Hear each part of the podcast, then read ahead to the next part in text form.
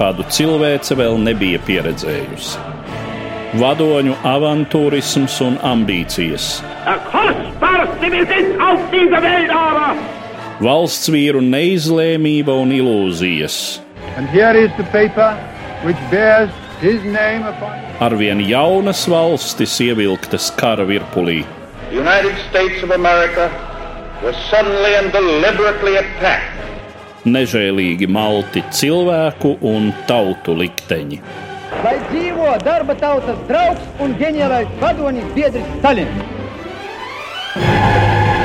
Otrais pasaules karš sarunās ar Eduardu Liniņu raidījumu ciklā Satumsums. Labdien, cienījamie klausītāji! Šodien raidījuma ciklā Satumsums mēs turpinām sarunu virkni, kas veltīta izcilākajiem Otrā pasaules kara laika valstu vadītājiem. Mūsu šodienas varonis - Lielbritānijas premjerministrs Winstons Čērčils. Mans sarunbiedrs studijā - vēsturnieks profesors Antonijs Zunda. Labdien! Labdien!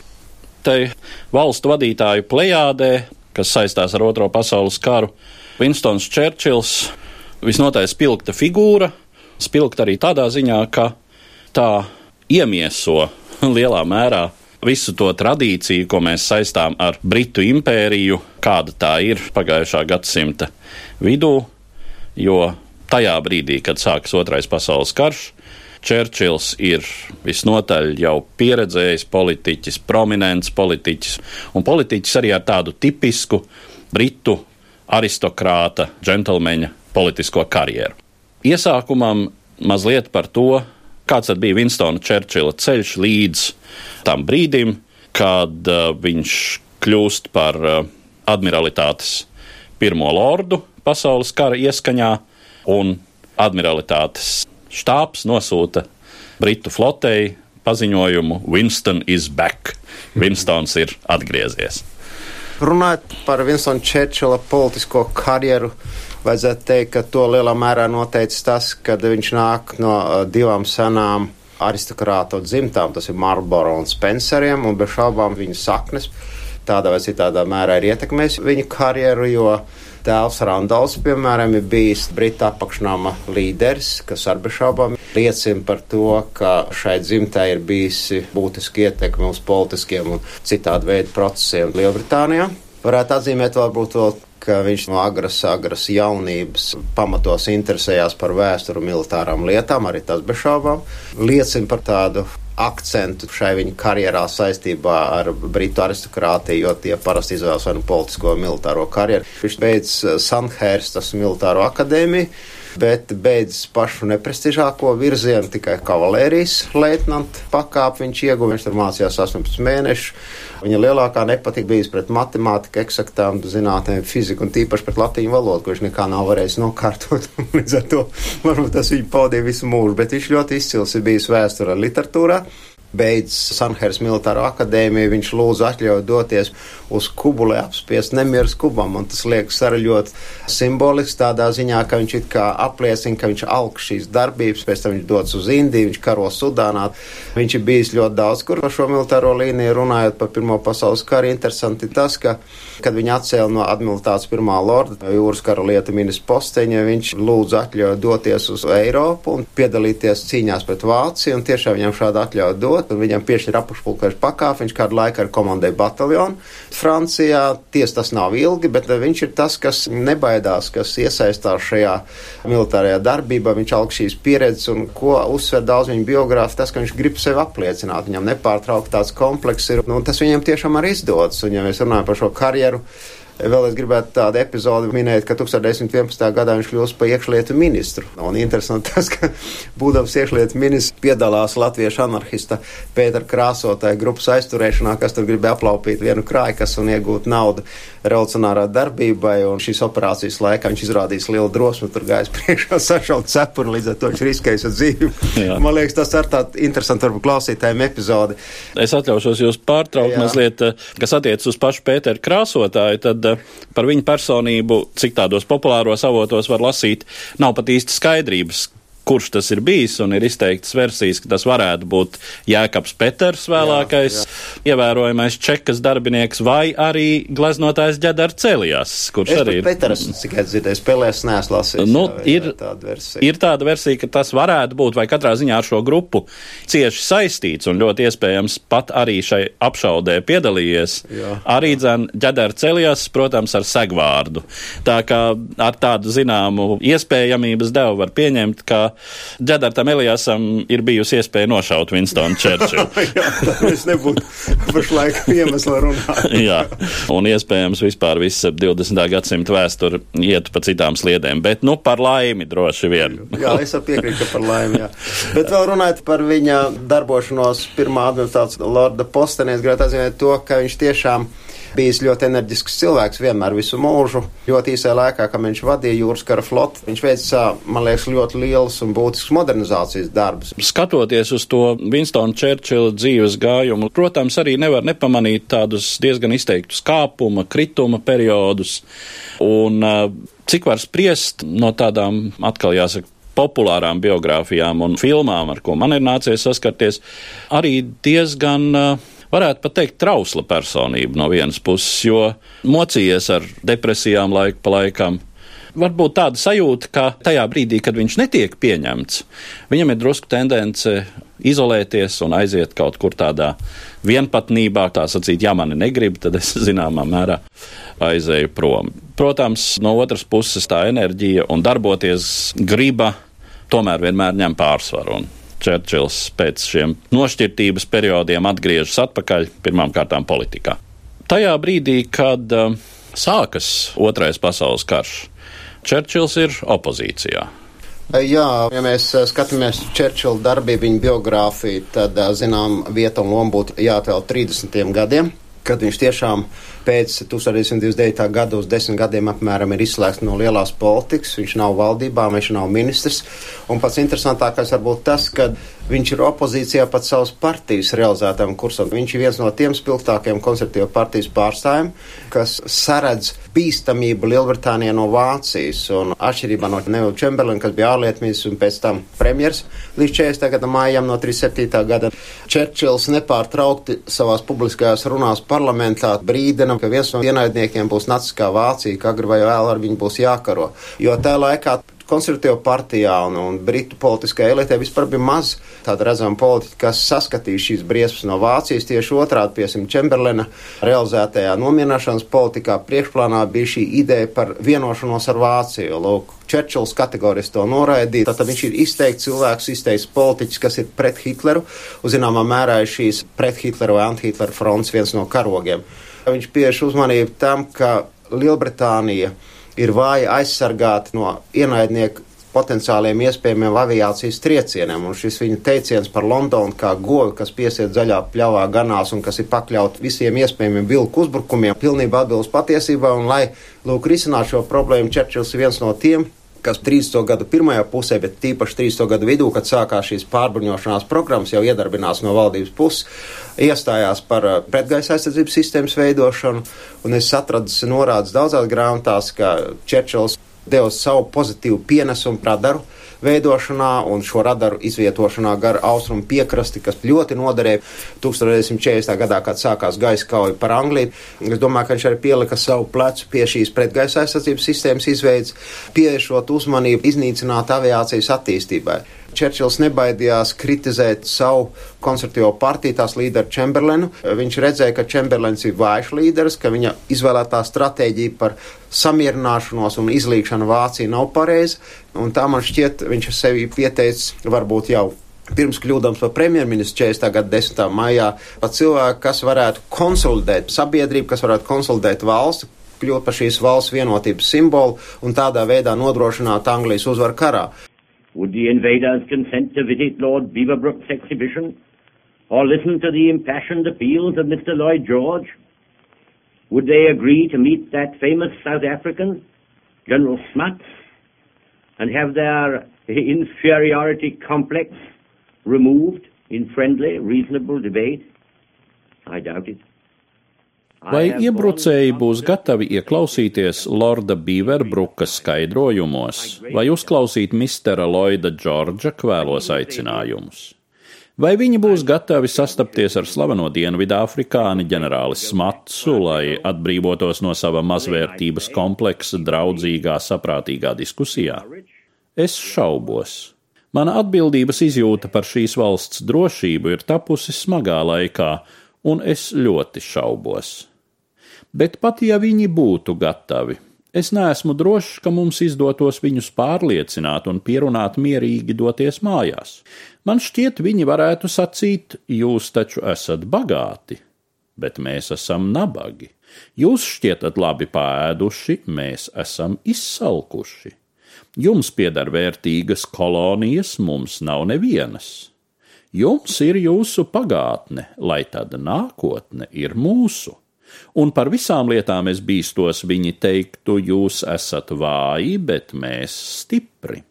Mani draugi, galu galā tikai pāris stundu lidojumā no šejienes mīt gandrīz 70 miljoni pasaulē visizglītotākās, visindustrializētākās, zinātniski visattīstītākās, visdisciplinētākās nācijas pārstāvju, kuri kopš bērnības ir mācīti domāt par karu kā lielisku nodarbi un nāvi kaujas laukā kā vīra cildenāko likteni.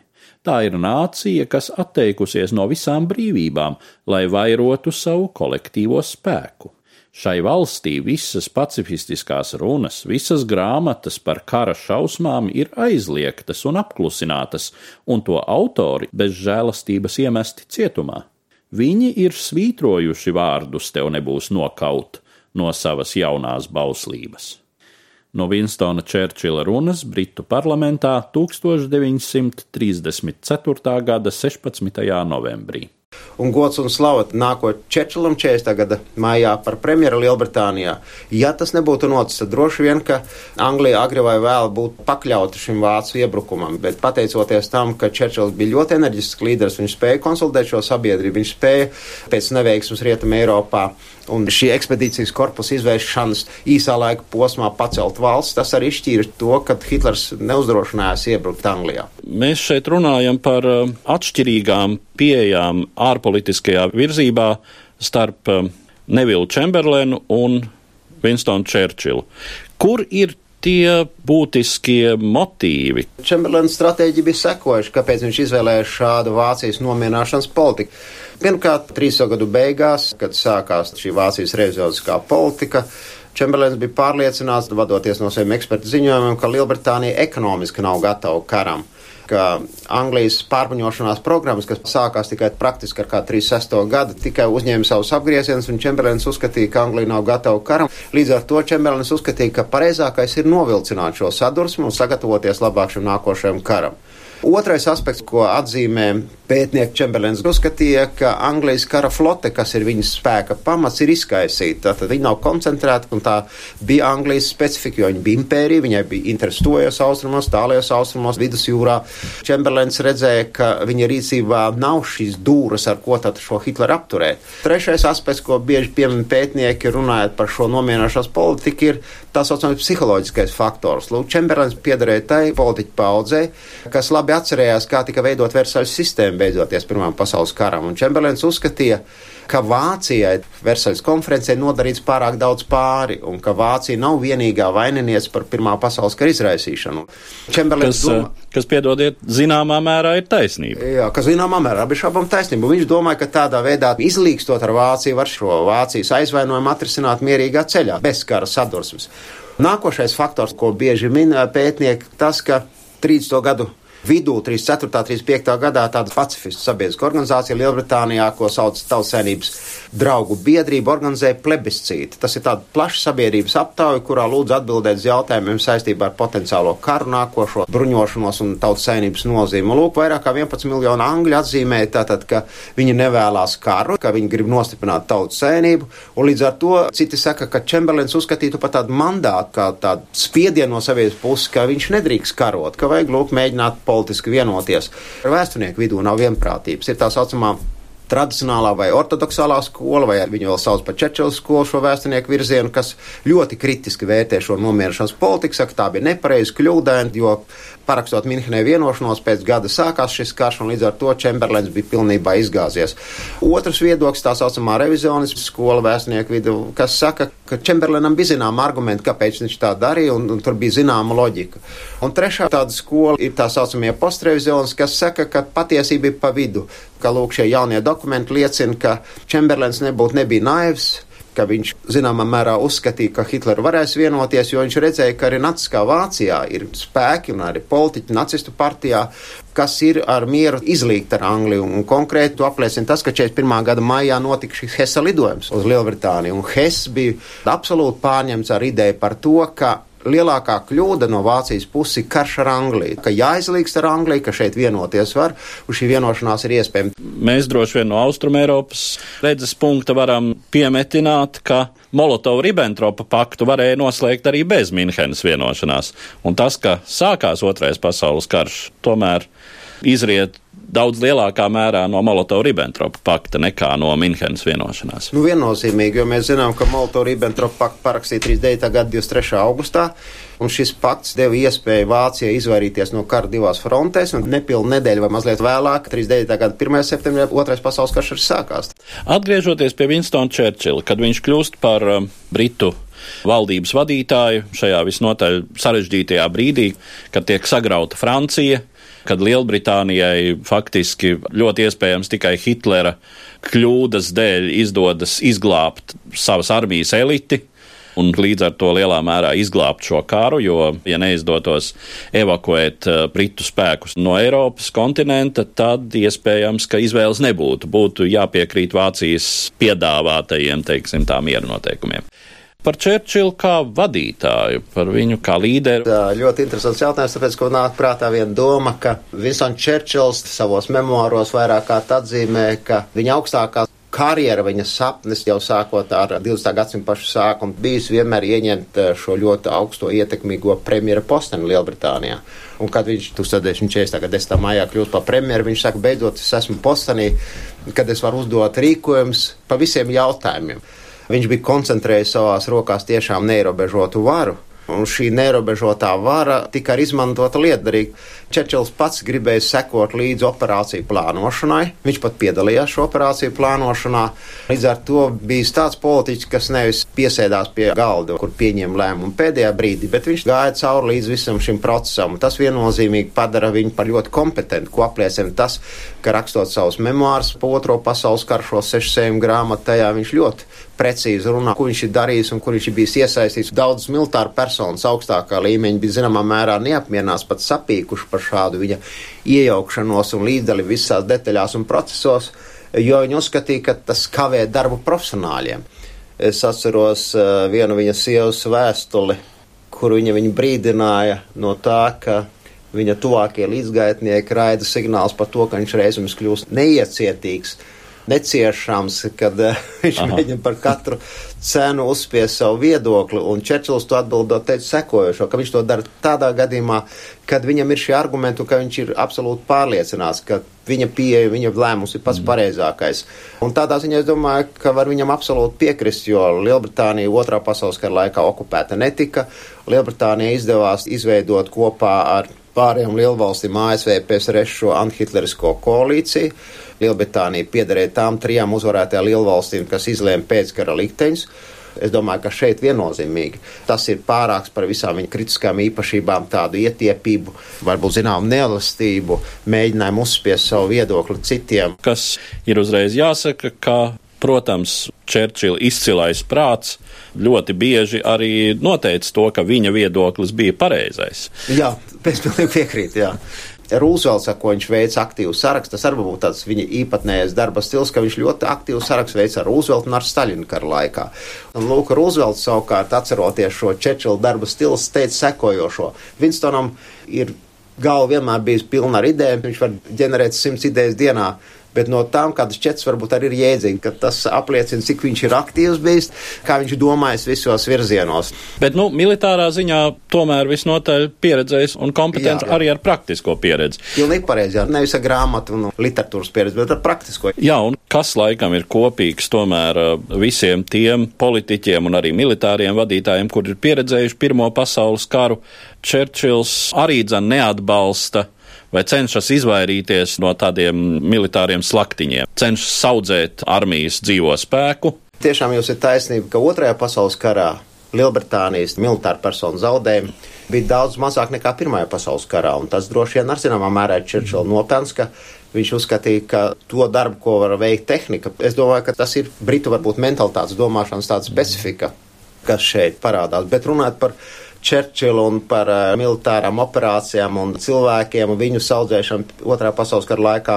Mēs arī zinām šo Čerčilu slaveno teicienu. Es domāju, jūs pats esat dzirdējis, ja mēs neuzvarēsim šo karu, tad mūs tiesās kā kara noziedzniekus. Jūs arī ziniet, kāpēc viņš to teica. Viņš teica to tāpēc, ka viena no stratēģijām, ko sabiedrotie realizēja šajā otrajā pasaules karā, bija Vācijas pilsētu bombardēšana un cilvēku iedzīvotāju masveida iznīcināšana.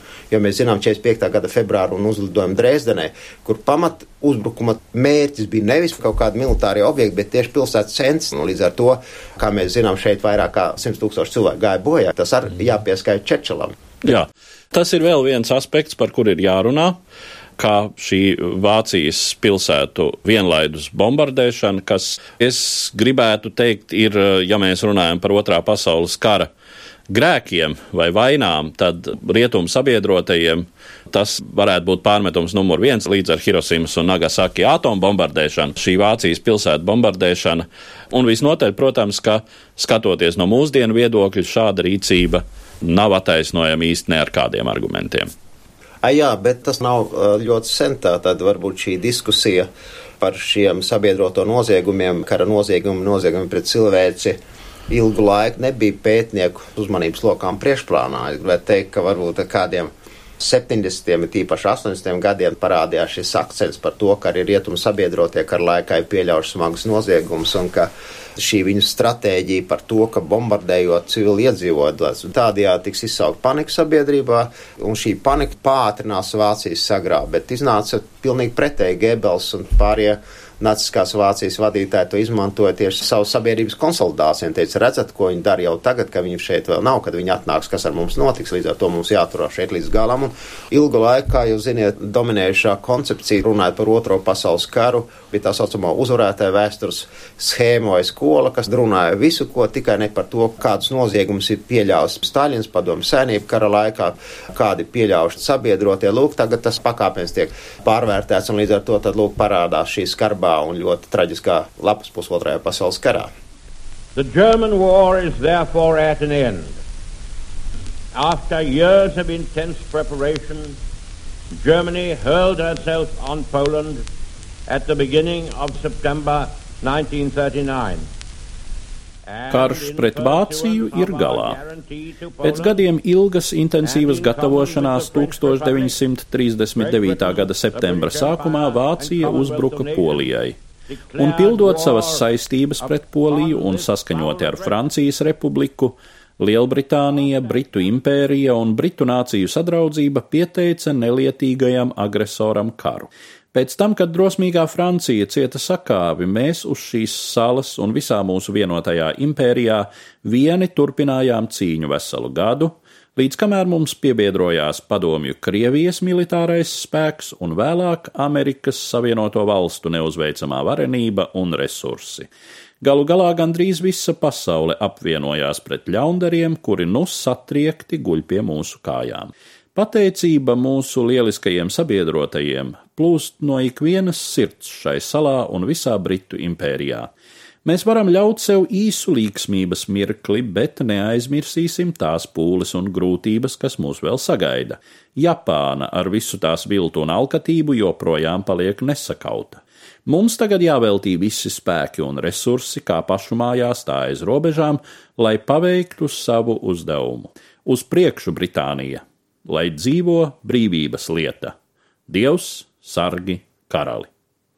No Vinstona Čērčila uzstāšanās Britu parlamentā 1945. gada 8. maijā. 42. gada oktobrī, rakstot vēstuli savam ārlietu ministram Antonijam Īdenam, Viņš pieskarās 42. gadā, ļoti smags periods kara laikā un Anglijas vēsturē vispār šajā laikā. Viņš pieskarās domai par to, kāda varētu būt Eiropas nākotne pēc otrā pasaules kara beigām. Un šajā 42. gada oktobrī rakstītajā vēstulē, es to citēju studentiem lekcijā, jo es lasu tādu Eiropas integrācijas kursu. Viņš saka, ka ja mēs gribam, lai Eiropa nākotnē dzīvot bez šādām sadursmēm, kā tas ir bijis Pirmais un Otrais pasaules karš, tad mums nav cita ceļa, nav citas alternatīvas, kā veidot vienotu visu Eiropas valstu ģimeni. Ar to viņš domājot ciešu integrāciju ekonomisko un politisko, eiro bez robežām, vienota ekonomiskā telpa, vienota likumdošanas telpa. Un es tā domāju, ka tas ir vairāk nekā ģeniāli, jo šo ideju par Eiropas integrāciju, ko Čerčils izsaka 42. gada oktobrī, smagākajā kara laikā, kad viņam tiešām jādomā par apgādi, bombardēšanu, bērnu evakuāciju un tā tālāk un joprojām. Viņš lūk spēja ieskatīties šajā nākotnē, un mēs zinām, ka pēc otrā pasaules kara beigām, tātad pēc 45. gada, Eiropa nav piedzīvojusi pasaules karu, un viens no izskaidrojumiem tas, ka lūk šī integrācija, kurai apvienots 27 valsts, dod iespēju risināt šīs problēmas bez kara, bez militāru bloku pretimstāvošu savienību veidošanas. Es gribētu uzsvērt Čerčilu šajā ziņā. Ar otrā pasaules kara noslēgumu saistās arī viens motīvs, kas Latvijai ir joprojām būtisks. Kaut kā tā ir iegājies, ka tādā populārā diskursā mēs bieži sakām, ka Čērčils bija tas, kurš pārdeva Latviju Krieviem. Un bieži vien viņam pieraksta šos vārdus, ka ja pēc kara Baltijas telpā būs padomju karaspēks, mēs tādēļ kara darbību neuzsāksim, lai gan šos vārdus tomēr teica Rūzvelts eh, Teherānas konferencē. Kāpēc īsti ir iegājies tā, ka mēs zināmā mērā uzskatām Čerčilu par eh, galveno Latvijas nodevēju Staļinam otrā pasaules kara izskaņā? Es domāju, ka tas stipri pārspīlēti un kļūdaini. Pirmkārt, tāpēc, ka Potsdams konferencē 45. gada jūlija beigās augusta sākumā Čerčils nepiedalās. Viņš tajā laikā vairāk nav premjers, un tātad šeit jau brauc Kliments Eklīs. Otrais, kāpēc daļai Čerčilu var vainot šīs Jaltas sistēmas izveidē, proti padomju saimnības kontroles atzīšanā Austrumēropā un Baltijā, tas ir saistīts ar to, ka Tiekoties eh, kara laikā ar Staļinu, Čerčils mēģināja ar Staļinu runāt par pēckara pasaules izkārtojumu un konkrēti runāt par Austrumu Eiropu. Un šajā kontekstā varbūt uh, zīmīgi tas, ka Čerčils uz mazas zīmītes ar roku uzrakstīja zināmus skaitļus, kas liecināja par to, ka viņš piedāvā Staļinam pēc kara vienoties Eiropā par ietekmes sfēru sadali. Man prātā tāds piemērs par Bulgārija, viņš teica, Bulgārijā tad, varētu būt kādi 8% padomsēnības ietekmes, kā 20% rietam ietekmes, Ungārijā 50 pret 50, Dienaslāvijā savukārt 60 pret 40, un daļa pētnieku šo Čerčilu zīmīt ar šiem cipariem uzskata varbūt zināmā mērā par tādu Čerčila nepareizu soli, kas it kā akceptē Staļina tiesības Austrumēropu Es šeit arī negribētu piekrist, ka Čerčils tas, kas pārdeva Baltijas valsts Staļinām. Es atceros to, kad pēc 40. gada 14. jūnija Čerčils ir tas, kas 1940. gada septembrī, septembra sākumā saka runu parlamentā un oficiāli paziņo, ka Lielbritānija nepiekrīt šim PSRS jaunajam robežu uzstādījumam, kāds tagad noticis 39. 40. gadā ka par robežām Eiropā jāizlemj pēckara miera konferencē starptautiskajā. Man liekas, tas arī parāda to, ka Čerčils nepiedar tiem politiķiem, kas gatavi bija atdot Baltijas valsts Staļinam, un vēl apstiprina tas, ka līdz 50. gadu sākumam, līdz 53. un 54. gadam, kad Lielbritānija atbalstīja tā saucamo speciālo operāciju realizāciju šeit Baltijas telpā, sūtīt savus sagatavotos izlūkus šejieni, kas pamatot bija baltiešu izcelsme. Tas liecina par to, ka Lielbritānija gluži nepieņēma šo Staļina ekspansiju un šo Baltijas valstu inkorporāciju. Es domāju, ka daudz lielāka atbildība par šo jautas sistēmu, Austrum Eiropas nonākšanu PSRS ietekmē un arī Baltijas palikšanu PSRS sastāvā jānes Amerikas Savienotām valstīm un konkrēti Rūzveltam, kas tiešām varēja ieņemt daudz stingrāku nostāju, jo viņa rīcībā bija šīs lendlīzes, bija šis faktors, bez kā bez šaubām PSRS nebūtu spējīga efektīgi cīnīties otrā pasaules kara laikā. Bet uh, Rūzelts neizmantoja šo faktoru, un Rūzeltam piedara šie vārdi, ko jūs citējāt nesen atpakaļ, ka Baltijas valsts dēļ Amerika nekaros. Tas ir viennozīmīgi. Tie nav Čečila vārdi. Ar šo secinājumu mēs arī varētu noslēgt mūsu šodienas sarunu, kas bija veltīta Winstonam Čerčilam, Lielbritānijas vadītājam Otrā pasaules kara laikā. Un es pateicos par šo sarunu vēsturniekam Antonijam Zundam. Paldies!